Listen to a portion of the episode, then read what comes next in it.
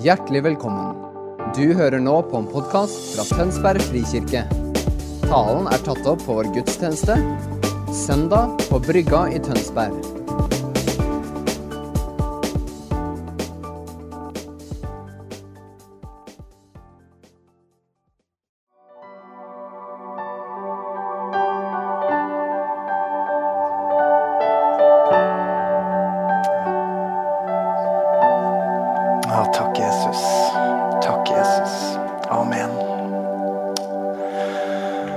Blir aldri trøtt av å sitere det ordet som er en proklamasjon fra Bibelen.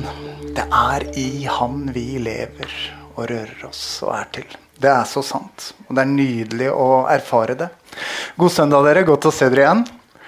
Jeg må si, Det er litt sånn julekvelden hver søndag etter at vi fikk lov til å begynne igjen eh, i august. Jeg gleder meg veldig over det.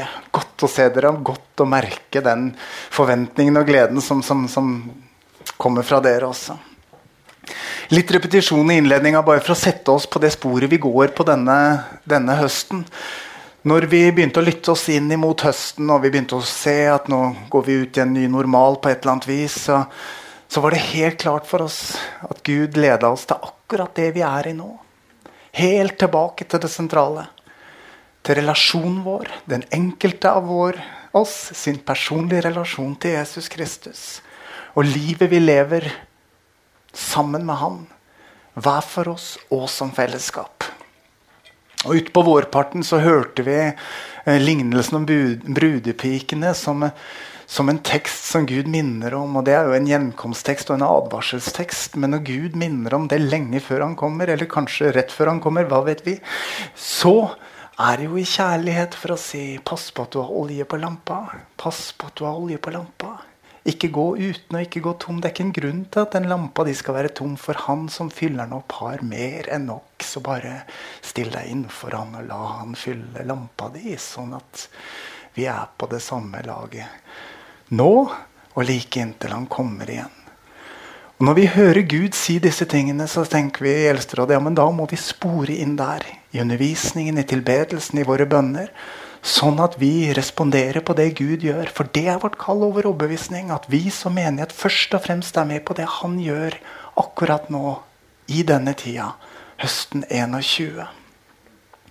Og dere, etter en lang tid på sparebluss som menighet, så tenkte vi det er kanskje nødvendig at når vi går inn igjen i Guds ord og finner tak i hensikten med det vi holder på med.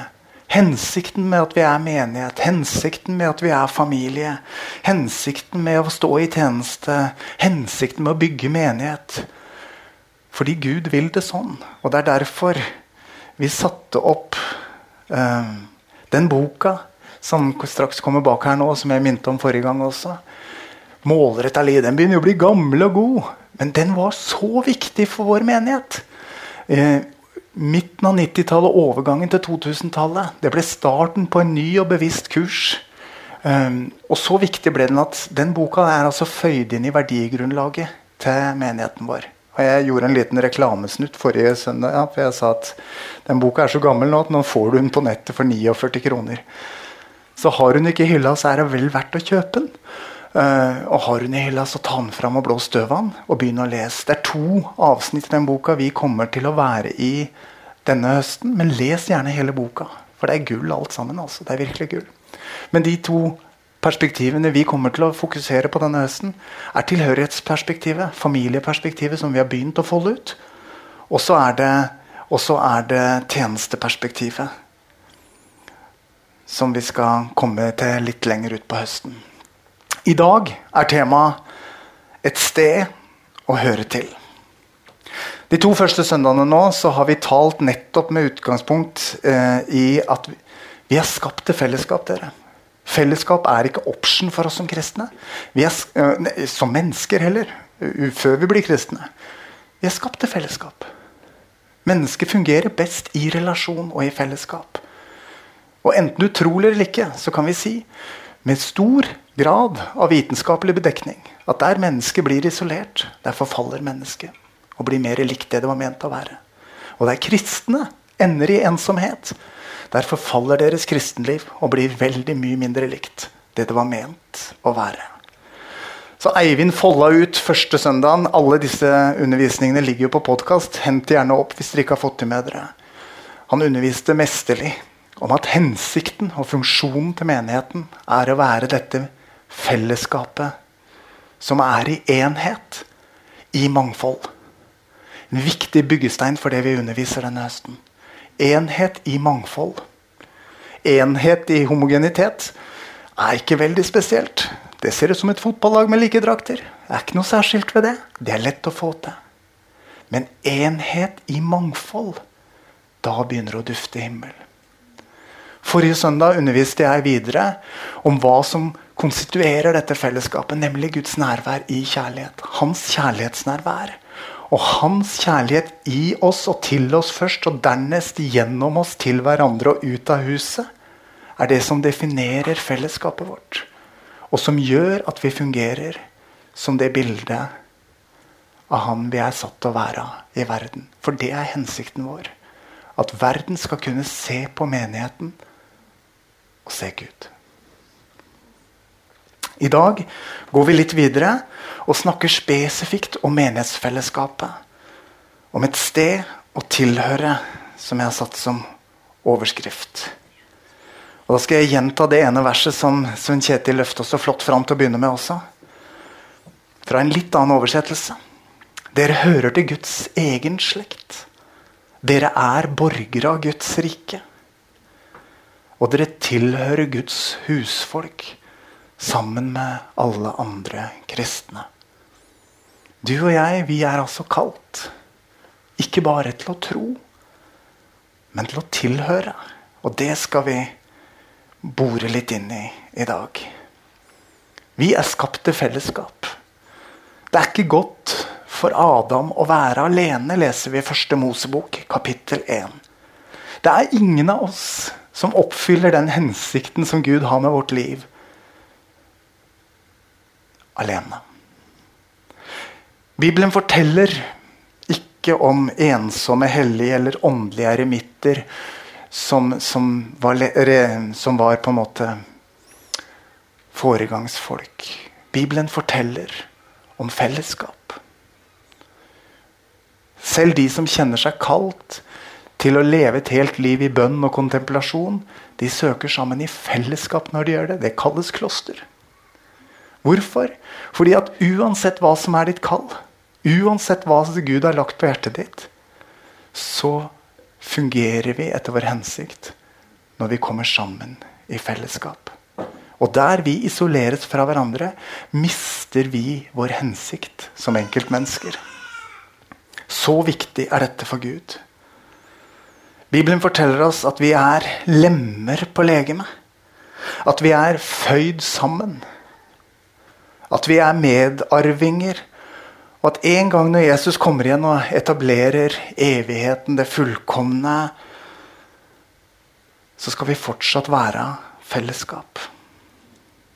Ingen av oss er solospillere når vi tror på Jesus. Vi er lagspillere. Som kristne som podes vi inn i en menighetsfamilie. Og vår hensikt oppfylles i relasjon til andre.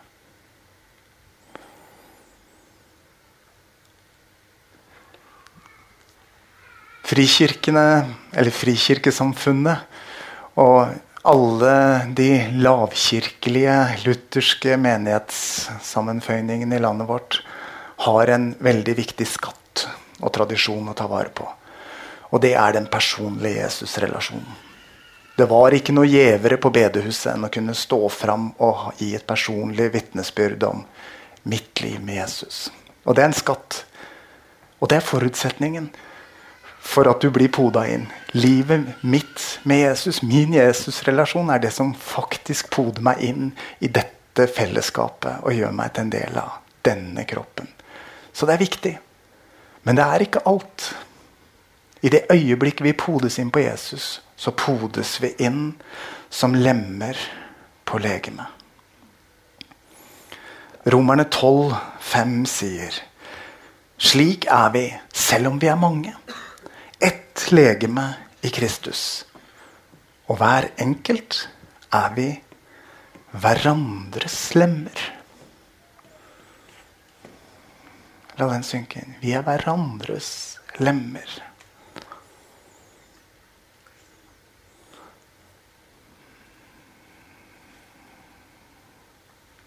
Nå tuller eh, teknikken min litt her. Der. Neste bilde. Medlemskap skal vi snakke om. Det var et brått skifte, tenker dere. Men, men ikke, ikke, hør for mye på ordet. For det høres veldig sånn administrativt og byråkratisk ut. Men hvis jeg sier at det det egentlig handler om, er medlemskap, så er vi på sporet. Menighet er å være et lem på legemet. Verden eh, og det sekulære livet bruker også medlemskap. Business bruker medlemskap for å gi deg fordeler. Og så annonserer de gode tilbud til oss. Og En del kirker har brukt medlemskap for å ha liste, for å ha oversikt over folk og for å få statsstøtte. Men det er ikke det vi snakker om. Medlemskap er en forutsetning for å være kirke. At vi skjønner at vi er hverandres lemmer. At vi tilhører hverandre, og at vi kommer i funksjon. Den enkelte av oss kommer i funksjon når vi er kobla til i forplikta relasjon til andre mennesker rundt oss. Derfor så sier vi i Tønsberg frikirke at vi er ikke så opptatt av å få medlemmer. Vi er mer opptatt av å få medlemmer. Derfor så er vi ikke så opptatt av å få deg inn i boka og få deg inn i registeret. Og så opptatt er vi av det at når du begynner å kjenne at Tønsberg frikirke er mitt åndelige hjem, det er her jeg faktisk hører til, og gjenkjenner det for deg selv, så tar vi en individuell samtale med deg. For å sikre at du blir kobla på familien som et medlem.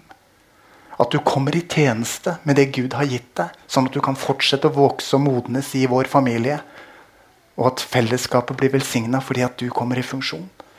At du får delta i en eh, mindre gruppe, en huskirke eller en vekstgruppe. Sånn at du faktisk får relasjoner som er konkrete og til å regne med. Fordi det store fellesskapet kan vi alle drukne. Uansett hvilken rolle vi har. At du blir kobla på i tjeneste og givertjeneste. Fordi vi vil ikke ha medlemmer. Vi vil ha medlemmer. For det er sånn Gud bygger kirka si. Bibelen bruker altså dette bildet om kroppen som et bilde på hva menigheten er. Dersom organene våre skilles fra kroppen vår, dere, så mister de sin funksjon.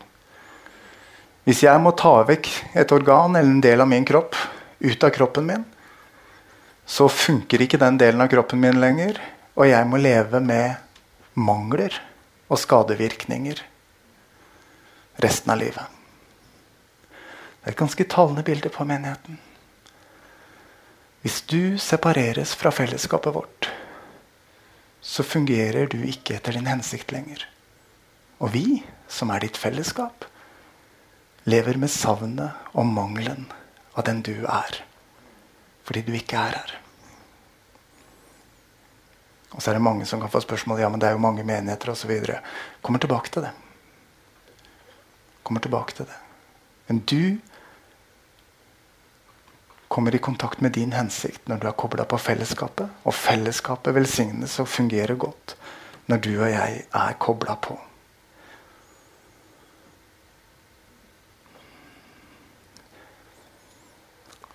De første Og dette her, dere, det har med sunnhet å gjøre. Hvis vi behold, blir i bildet med kroppen, så er det ingen som er i tvil om at jeg har det best hvis jeg har alle lemmene intakt. Og jo mer jeg tar ut, jo mindre blir det igjen av meg. Ja, sånn er det med menigheten også. Og Derfor så er det faktisk et tegn på åndelig forfall når menigheter fra tid til annen i sine livssykluser kommer på et sted hvor folk velger å trekke seg tilbake istedenfor å lene seg inn. Det første tegnet på et forfall åndelig sett og usunn utvikling er at man slutter å delta regelmessig både i det store fellesskapet og i det lille fellesskapet, huskirka eller vekstgruppa. Og det andre tegnet på at noe usunt er på gang, er at man begynner å henge med de som tenker likt og mener det samme som meg. Istedenfor å utsette seg for det mangfoldige fellesskapet.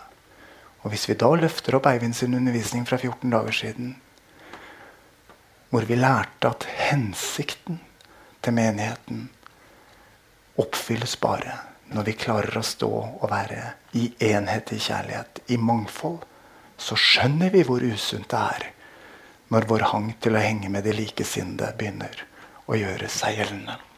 Er dere med meg? Dette her er superviktig for at menigheten skal fungere etter sin hensikt i enhet i kjærlighet. Neste bilde. Så det å høre til menigheten handler altså om å være et medlem. Sammen er vi sterke. Jeg likte det bildet der. Lenkene. At vi er sammen. At vi hører sammen.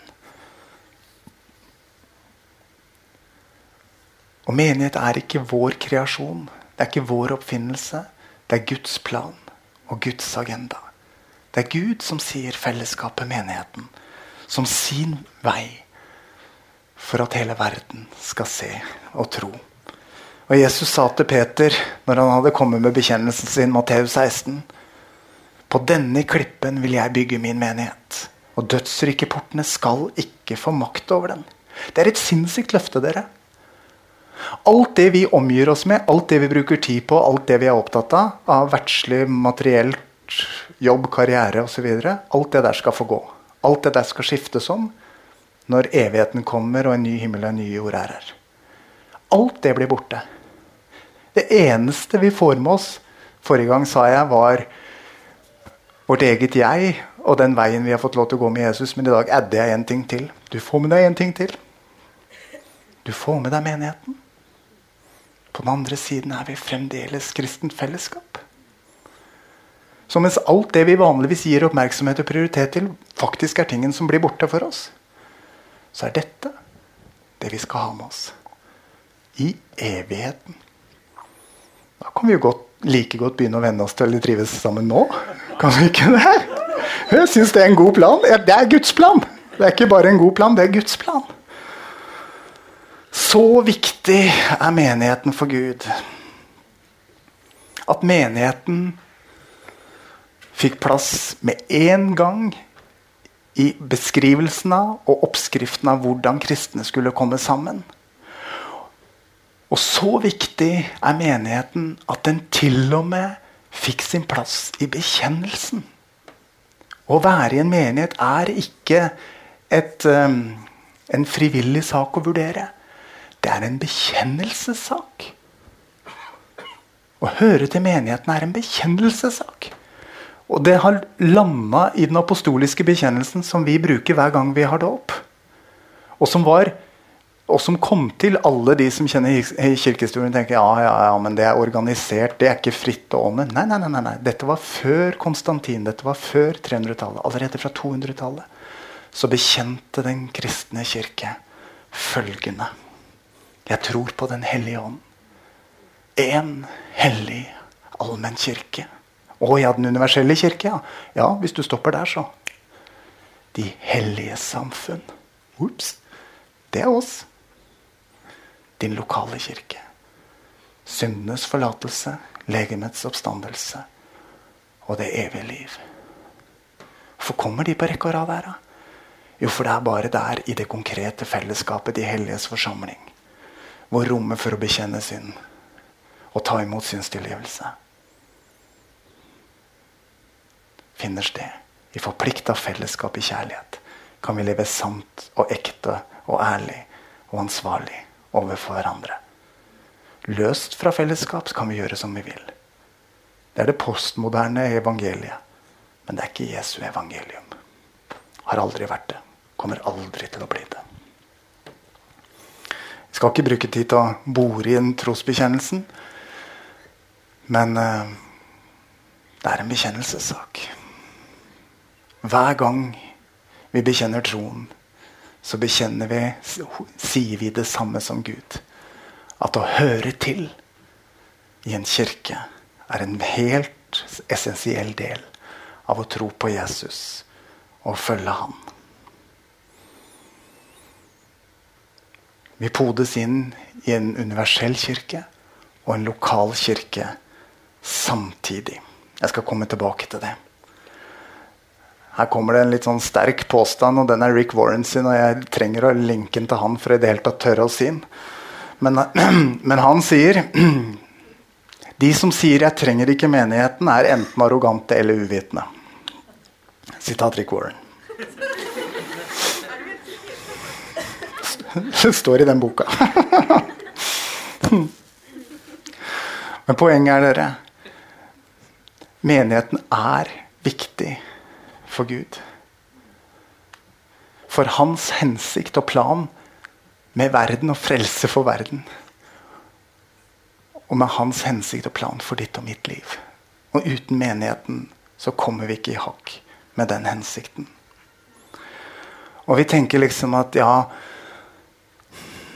men, Hvis menigheten Én ting er at Gud elsker hele verden, men Gud elsker menigheten. Um, Johannes 3,16 kan vi alle sammen i den lille bibel. Visste dere at 1. Johannes 3,16 er et like viktig nøkkelvers å lære seg? Morsomt da med disse tallene. Men, men det, nei, det kommer jeg tilbake til. forresten. Å, nå hopper jeg mitt eget manus. Tar det tilbake. Jeg går til Efeserne 5,25 isteden. Hør på det her. Dere menn, elsk konene deres. Det er en bra oppfordring. Og så kommer det. Slik Kristus elsket kirken og ga seg selv for den. Det var der tilknytningen til Johannes 3,16 kom. da. For så høyt elsket Gud verden at han ga. Det kjenner vi. Men Gud elsker kirken fremfor noe.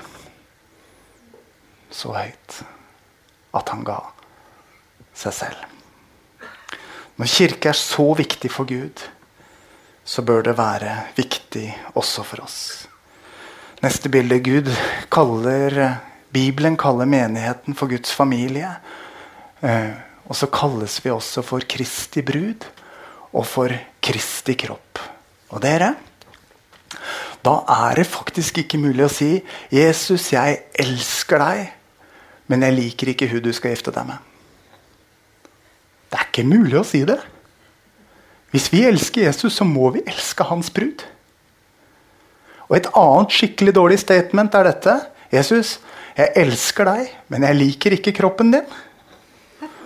Det er også en dårlig relasjonell melding å gi.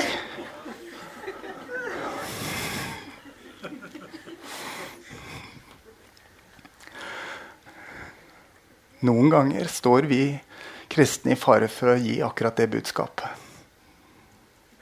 Gud vil at vi skal elske menigheten sånn som han elsker den.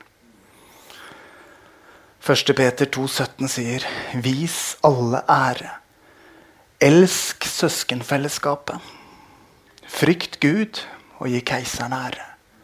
Dere, Vi er kalt til å være lys og salt i verden.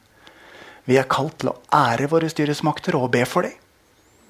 Vi er kalt til å elske søskenfellesskapet, frykte Gud og gi keiseren ære.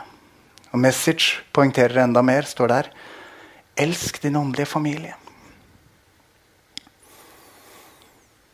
Og det er min sånn intuitive fornemmelse når vi begynner å komme sammen igjen denne augusten etter å ha vært atskilt lenge, at vi kjenner på noe av den velsignelsen og gleden og takknemligheten over å få komme sammen i fellesskap igjen. Det er flott at vi kunne være digitale, og det er fantastisk med dere som følger oss digitalt i dag. Men menighet er først og fremst de som kommer sammen. Eklesian, de som samles. Mennesker av kjøtt og blod som legger seg inntil hverandre i kjærlighet fordi de er elska først. Og litt alvorlig, dere. Det går an å si i alle relasjoner at de er noe vi lever i og får i og mottar og gir i. Og så går det an å stå i relasjoner hvor vi brukes. Jeg tipper vi alle har en erfaring av noen relasjoner hvor du kjente deg mer brukt enn verdsatt og elska. Det er ikke godt Når noen lener seg inn til deg og vil ha av det du er og det du har, uten å gi noe tilbake, uten egentlig å ville relasjon til deg, de vil bare ha tak i noe av det du er og har, fordi at det er noe de trenger eller har lyst på. Det er vondt. På samme måten er det i kjernefamilien. Hvis en i kjernefamilien bare bruker godene, fellesskapet og økonomien, men aldri gir noe inn, så kjenner vi at det gjør litt vondt. Og det er også det samme i menighetsfamilien. dere. Det går an å bruke menighetsfellesskapet. Og det går an å leve i det i en god gjensidighet. Det skal jeg komme til etterpå. Hvis menigheten blir det fellesskapet som skal dekke mine behov, så bør det ringe en liten varsellampe. Hvis menigheten er det fellesskapet som skal møte mine preferanser, så er det en ny varsellampe. La meg låne bønneorda til Frans av Assisi et øyeblikk. Herre, gjør meg til et redskap for din fred. Og så ber han. Hjelp meg å elske mer enn å ville bli elska. Å tjene mer enn å bli tjent. Og så fortsetter han og fortsetter han hele Frans av Assisis bønn. Det er noe her dere, når vi skjønner at menigheten ikke først og fremst er et fellesskap, en virksomhet som leverer et produkt som skal gi noe til meg. Men menigheten er familie.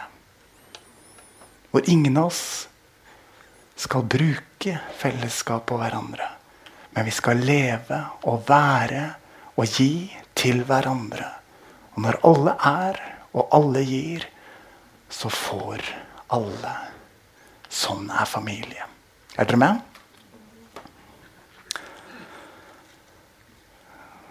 En avgrensing før jeg skal gi dere seks kulepunkter. Kjapt. Med veldig få unntak neste bilde. Med veldig få unntak så snakker Bibelen konsekvent om menigheten i betydning én lokal, konkret forsamling. Bibelen snakker veldig lite om den universelle kirke. Snakker veldig mye om det lokale, konkrete fellesskapet av mennesker som er gitt til og forplikta på hverandre.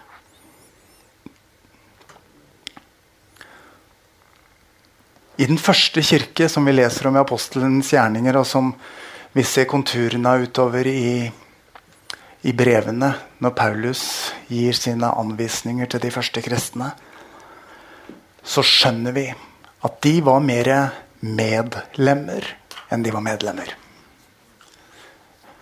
Og det hadde noen historiske, praktiske forutsetninger. men Man trengte ikke medlemslister når man hadde husmenigheter og det var 15 stykker som møttes hver uke. Det klarte man å holde styr på. Det går fint. Det var først seinere det var behov for det. Men all veiledningen i Nytestamentet handler ikke om den administrative størrelsen som en kirke på mange hundre eller mange tusen kan være. All veiledningen går til medlemmer. Og Det er derfor vi er i gang med en huskirkebevegelse. Fordi vi er helt avhengig av at vi alle får tilhøre et mindre fellesskap. Hvor vi blir sett og får lov til å se. Hvor vi blir betjent og får lov til å tjene. Både huskirkene, småfellesskapene og tjenestefellesskapene i huset er steder hvor du og jeg kommer i forplikta relasjon til andre mennesker vi må øve oss på å elske fordi det ikke alltid går av seg selv, da er vi menighet. Da vokser vi. Da er vi på track. Uten det fungerer vi dårligere. Men dere Menigheten er de som er gitt til hverandre.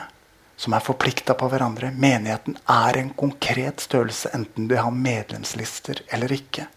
Og hele poenget med det, dere Hele poenget med det, det er at vi skal gis til hverandre. Være omslutta og ivaretatt. Og selv være av de som omslutter og ivaretar. Og det kan ikke den universelle kirke gjøre. Hva har min søster i Bogotá igjen for at jeg er en del av den samme kirke som henne? Selvfølgelig ingen verdens ting. Det er bare en tankemessig kortslutning. Er dere med meg? Vi har ingenting sammen annet enn enheten i Kristus. Menigheten fungerer. Og det er derfor vi har mange menigheter i byen vår og i landet vårt og i verden. Fordi vi mennesker er forskjellige, vi har litt ulike preferanser. og og vi, vi får til å fungere litt ulikt. Men menigheten er først og fremst de som er gitt til hverandre i kjærlighet, og som er forplikta på hverandre. Og det er ikke tegn på splittelse at vi har mange menigheter i Tønsberg. Det er et uttrykk for at Gud rommer menneskets mangfoldighet, og det går fint. Enheten er i Kristus, og den er intakt. Selv om vi møtes her og Betania møtes litt lenger borti veien. Det går fint. Bibelen forutsetter altså at menigheten er lokal. Og det å bli satt utenfor et konkret menighetsfellesskap, det forteller Bibelen om som sanksjon og straff. Med andre ord det å være borte, avskåret fra det fysiske medlemsfellesskapet. de få gangene det står om det i Bibelen, så er det en straff. Hvis man har ført livet sitt helt av gårde og ikke vil vende om. Med andre ord, Forutsetningen i Guds perspektiv er vi hører sammen, og vi møtes, og vi deler liv. Dessuten, dere, så er det beskyttelse. Veldig mye beskyttelse i å høre til i en konkret familie, sånn som vi gjør.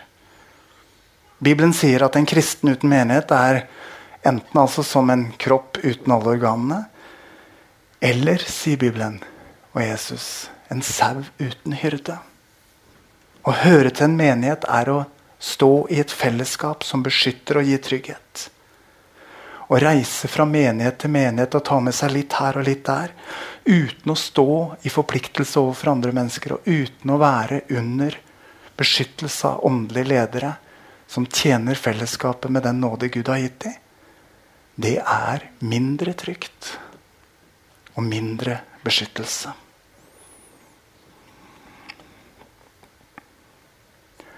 Så seks kulepunkter på Er jeg good med tida, eller?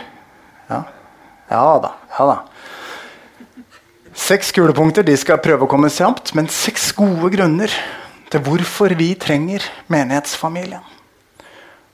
For det første fordi at Jesus alltid kobler tro og fellesskap. I det øyeblikket vi blir troende, så podes vi inn på en kropp og blir en del av fellesskapet. Og Jesus sier at dette skal alle forstå at dere er mine disipler. At dere har kjærlighet til hverandre. Hvis du og jeg skal fungere som disippel, så må vi høre til et fellesskap hvor vi kan elske og bli elska. Det er først da verden forstår at du og jeg er en disippel, sier Jesus.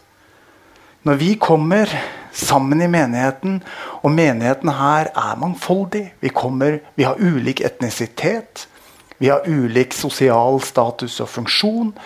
Det er mange ting som skiller oss. Da er vi nettopp i enhet, i mangfold. Og det er det som gjør oss til et gudsbilde i verden. Til det Gud har til hensikt med oss å være. Nemlig et vitnesbyrd om kjærligheten som bygger bro mellom det som ofte skiller mennesker. Den fullkomne kjærligheten. Punkt to. Vi trenger menighetsfamilien for å hjelpe oss ut av sjølsentrert tro. Den lokale menigheten, dere, vårt fellesskap, det er som Bibelskolen eh, eh, ler av meg når jeg sier dette. er som et laboratorium. Et forsøkssted, et sted hvor vi kan øve. Menigheten er det samme. Hvor vi får lov til å øve oss på å lære å elske sånn som Gud elsker oss. Og dere, det er ingenting i oss i det naturlige som får til det. Det er bare Gud ved sin ånd som former hjertene våre, sånn at vi begynner å elske hverandre sånn som han har elska oss. Og da er menigheten et godt sted å øve på hederskultur, på godhetskultur, på tilbedelseskultur, på kjærlighetskultur. Å elske hverandre. I menigheten får vi øvelse å ha omsorg for hverandre. Første kor 12 sier om ett lem lider, lider alle de andre med. Eller om ett lem blir æra, gleder alle de andre seg sammen med det. For det tredje vi trenger menigheten det er bare en utdyping av det forrige for å øve oss i uselvisk kjærlighet. Og det er her 1. Johannes 3,16 kommer. Hva kjærlighet er, har vi lært av at Jesus ga sitt liv for oss.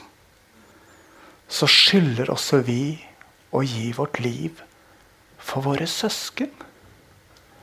Tuller du? Kan ikke stå det. Jo, det gjør det. Ja, men jeg trodde jeg skulle gi livet mitt for deg, Jesus. Det er jo veldig trygt. For det krever mye mindre av oss. Skal vi virkelig gi vårt liv også for våre søsken som er i fellesskapet? Også for de folka som vi prikk, prikk, prikk. Ja, det står. Er dere med? Og da skjønner vi at om vi ikke har trengt Guds fullkomne kjærlighet før, så trenger vi den da. Nå blir det virkelig behov for fullkommen kjærlighet. Hvis jeg skal gi mitt liv til et fellesskap som jeg av og til liker og av og til strever med Hvorfor er det sånn, da? Jo, fordi det er da vi blir det bildet av Guds kjærlighet til en verden. Uselvisk kjærlighet. Mennesker som bygger bro istedenfor å gå vertet sitt.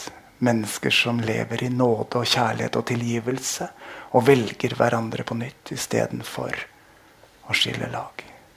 Mennesker som sier 'vi elsker fordi vi er elska først'. Så grunnleggende. Fjerde punktet.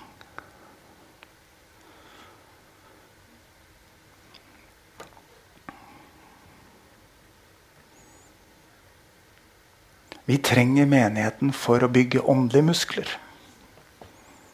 Hva er åndelige muskler? Jo, det er menneskelig modenhet. Det er åndens frukter, og det er åndens gaver. Og dere, disse tingene modnes ikke bare ved at du og jeg går på gudstjeneste. Å sitte her under ordets hørelse og delta i lovsangen utvikler ikke nødvendigvis menneskelig modenhet eller åndens frukter i oss. For det store fellesskapet har én funksjon. Det er at vi kommer sammen for å tilbe Han og ta imot fra Han. Det er i alle de andre settingene, i huskirke, vekstgruppe, i tjenestefellesskap, ute i familien, i hverdagslivet. Det er der vi brynes på hverandre i relasjon, og hvor åndens frukter er tegn på at vi modnes som menneske. Vi trenger dette menneskelige fellesskapet for å modnes som mennesker. Efeserne 4,15 sier det. Ut fra Han blir hele kroppen sammenføyd og holdt sammen av hvert bånd og ledd. Alt etter den oppgaven hver enkelt har fått tilmeldt. Så kroppen vokser og bygges opp i kjærlighet. Ser dere hvordan Guds ord hele tiden har dette helhetlige perspektivet om et fellesskap i kjærlighet? Det er den røde tråden. Det er hensikten vår. Bibelens viktigste pronomen dere, det er et resiprokt pronomen. Er det noen språkmennesker her? Hva er et resiprokt pronomen for noe? Ja, det, La fare. Det er iallfall hverandre. Resiprokt betyr gjensidig. Bibelen er full av det pronomenet når den snakker om hvordan vi er som menighet. Elsk hverandre, be for hverandre, oppmuntre hverandre, formane hverandre, hils hverandre, tjene hverandre, lær hverandre, underordne hverandre, godta hverandre, bær hverandres byrder og vær hengitt til hverandre. Det er jo klin umulig å gjøre alt det der alene. Ja. Det funker bare i fellesskap.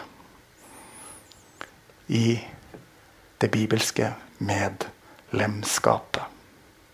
Hvor vi er gitt til hverandre og hvor vi kan følge Guds gode oppmuntring til å leve i kjærlighet nettopp overfor hverandre. Femte punktet. Vi trenger menigheten for å være kobla til Guds oppdrag i verden. Når vi er en del av en lokal kirke, så hjelpes vi til å koble oss på Guds bevegelse. Dere, jeg klarer ikke å fange opp det viktige spørsmålet. Gud, hva gjør du nå? Hvordan kan jeg bli med på det? Hvis jeg går aleine, så er jeg veldig stuss. Og det er så mange vinder som blåser både hit og dit, og jeg mister litt retninga.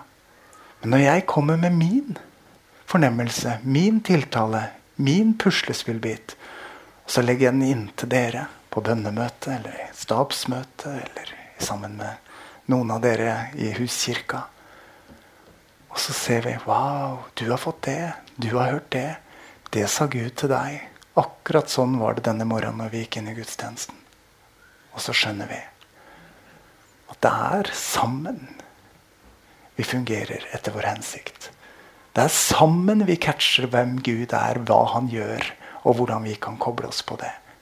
Adskilt mister vi hensikten vår. Vi er Hans verk skapt i Kristus Jesus til gode gjerninger, som han på forhånd har lagt ferdig, hørte vi Sven Kjetil lese tidligere i dag. Siste punktet. Menighetsfamilien trenger vi for å beskytte oss mot forfall. Frafall, mener jeg, ikke forfall. forfall. Ja, han begynner å bli litt assen og trener mer. Uh, frafall var det jeg mente. Ingen av oss dere er immune mot fristelser. Ingen av oss går hele livet gjennom og, og er Gud på det området. Hvis noen av oss begynner å tenke at nå er jeg kommet så langt i min helliggjørelse at nå er ikke synd et problem lenger, da har jeg lyst på en prat med deg. I en eller annen gitt situasjon så er vi alle i stand til å begå både én og to og tre feilgrep som vi ikke trodde vi ville gjort, men allikevel gjør. Det er derfor vi trenger nåden. Jesus setter dette, eller Guds ord setter dette fantastisk på formel i 1. Johannes kapittel 1. Sier vi at vi har fellesskap med Ham, men vandrer i mørket, da lyver vi og følger ikke sannheten. Men dersom vi vandrer i lyset, slik Han selv er lyset, da har vi fellesskap med hverandre. Og blodet fra Jesus, Hans sønn, renser oss for all synd.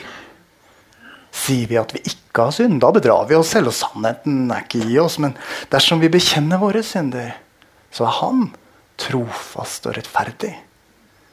Så han tilgir oss synd og renser oss for all urett.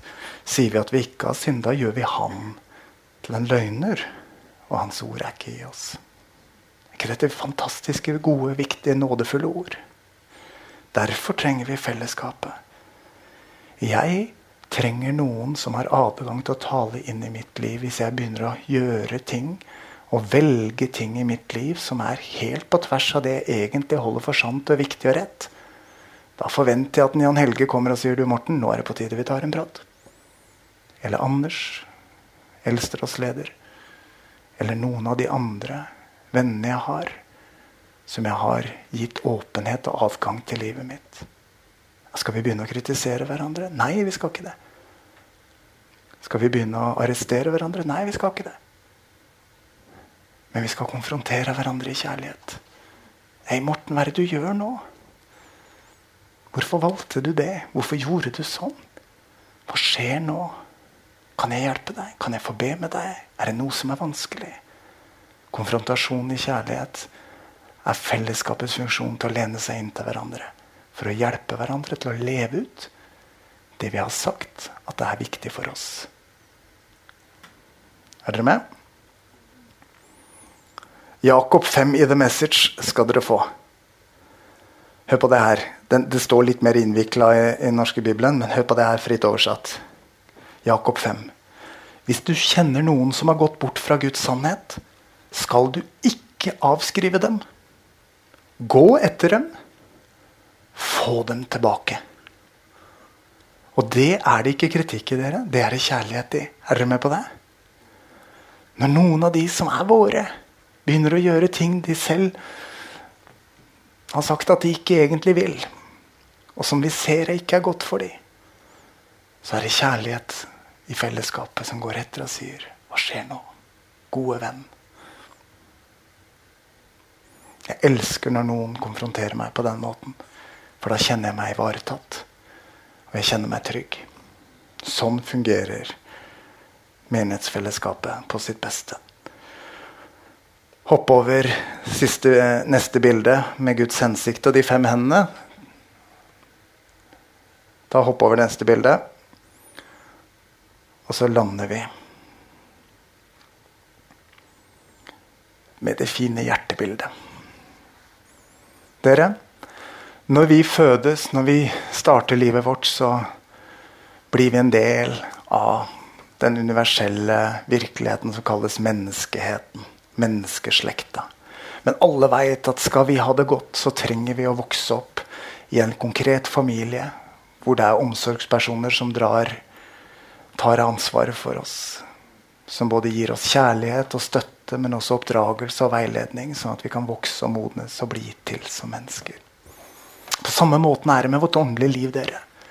I det øyeblikk vi fødes på nytt, til nytt liv i Jesus Kristus, så fødes vi inn i den nye, universelle Guds familie. Som gjør at vi hører sammen med alle søsken på hele denne planeten. Både i tida som ligger bak, og i tida som ligger foran, og i nåtid. Alt sammen forenes i Jesus Kristus. Men allikevel trenger jeg å høre til en lokal familie. Hvor det er noen som er foresatt i Herren. Og hvor jeg har søsken.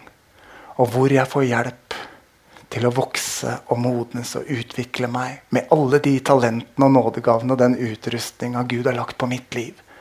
Sånn at jeg får fungere etter min hensikt. For når jeg og du fungerer etter vår hensikt, så har vi den største glede. Og vi fungerer etter vår hensikt når vi er kobla på kroppen som medlemmer. I relasjon til våre søsken, i kjærlighet, i enhet og i mangfold. Så jeg setter opp til ettertanke lovsangstimen kan komme opp. og vi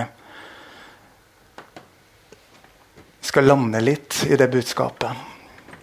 Nå har jeg utelukkende forkynt den positive hensikten, hva som er Guds ønske for oss som menighet. Og så vet jeg dere, fordi jeg har erfaringer av det selv, og fordi dere har erfaringer av det, at noen ganger blir menighetsfamilien krevende istedenfor til velsignelse. En utfordring istedenfor en støtte og en avlastning. Det er ikke fordi Gud ville det sånn, men fordi det blei sånn. Det er noen ganger sant i den næreste relasjonen, som er ekteskapet. Det er noen ganger sant i den litt større uh, rammen, som er kjernefamilien. Og det er sant i det store fellesskapet som er menighetsfamilien og Guds familie. Men Gud ombestemmer seg ikke for det om vi fra tid til annen bommer. Hver gang vi kommer til kort i å stå i relasjon i kjærlighet, så har han ny kjærlighet for deg. For ditt ekteskap. For din kjernefamilie. Og for din menighetsfamilie. Han er fullkommen kjærlighet. Uten han er vi bare en forening. Men i han er vi Kristi kropp i verden. Kanale, blodåresystemet som gjør at fullkommen kjærlighet strømmer og blir tilgjengelig her og nå. Sånn at de som kommer inn i vår midte, fornemmer at wow, dette er mer enn folk som pleier å henge sammen. Her er Gud. Her er Hans fullkomne kjærlighet til stede. Og Gud gir ikke opp deg. Han gir ikke opp ditt ekteskap, han gir ikke opp din kjernefamilie. Han gir ikke opp din menighetsfamilie. Men han anerkjenner at der det er relasjon, skjer også sår. Og der sår har blitt til gnagesår, trengs det olje og legedom. Og Hvis det jeg har forkynt i dag, som er Guds gode ønske og vilje og plan for menigheten etter den gode hensikten Gud har, lander i sår hos deg, så har jeg kanskje gjort noe som gjorde ekstra vondt. Men vi tror, fordi vi hørte det på bønnemøtet i dag, at Gud ønsker å komme med legedom. Han ønsker å gjøre tårene til perler. Sandkornet inni Østersen blir til en perle. når friksjonen har vart en stund. Og når han får komme med sin kjærlighet, sin fullkomne kjærlighet, og røre ved det som er våre sår, så kan de vakreste spirer av nytt liv komme ut av de mørkeste, vondeste erfaringer. Vi får det ikke til, men han i oss gjør det. Vi er medlemmer, ikke medlemmer. Vi er lemmer på den kroppen som er Kristus i verden. Han er her. Fordi du er her. Han er like reelt til stede som gulvet vi står på, sang vi. Og det var ikke en fiffig tekst i et grepet øyeblikk. Det er sannhet. Jeg har lyst til å be en bønn før jeg går ned nå. For de av dere som kjenner at det jeg har forkynt, har landa i noe som har vært sår og smerte. Så tror jeg det er en invitasjon fra himmelen til å la hans legedom, hans kjærlighet og hans fornyende kraft få lov til å røre ved det som ble sårt. Sånn at du på nytt med forventning og tro og håp og glede kan lene deg inn til menighetsfellesskapet og Guds familie. Og leve ut din hensikt. Sånn at menigheten kan bli og være alt det Gud har ment at vi skal være. Så hvis det er deg nå, ikke gjør noe synlig tegn. Men løft ditt eget hjerte opp for Gud i bønn. Og så skal jeg lede oss i en bønn.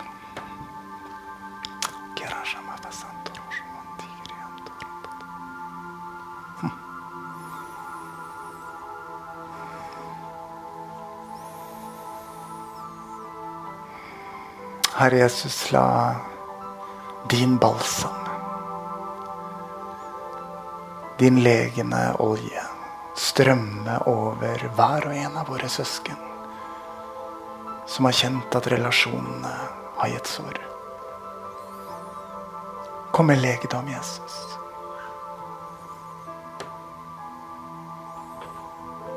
Fyll dem med din fullkomne kjærlighet, Herre. Så valget om å tilgi og legge bak ikke er et vanskelig valg, men et valg som du gjør det i stand til.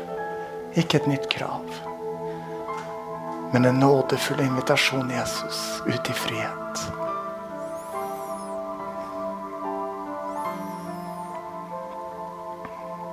Jesus, vi bryter løgnerens forsøk på å separere din menighet.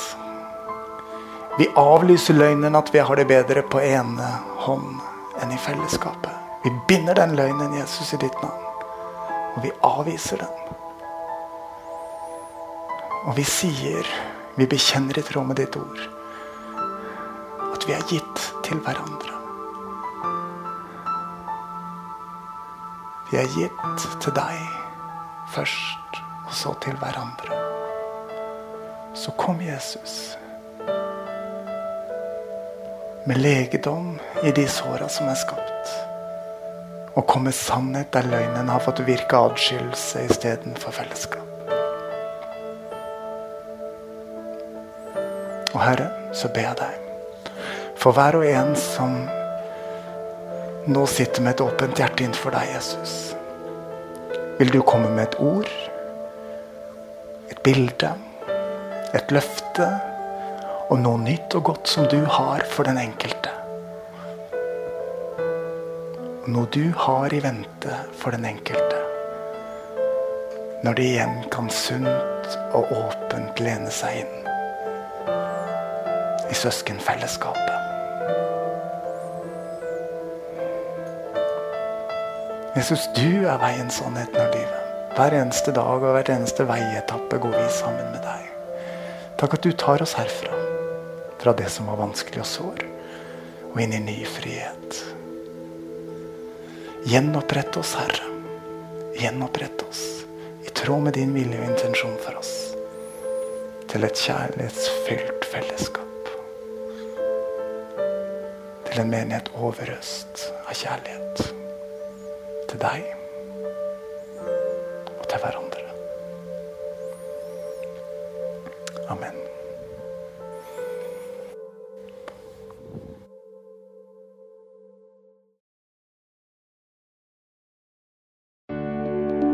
Takk for at du hørte på vår podkast.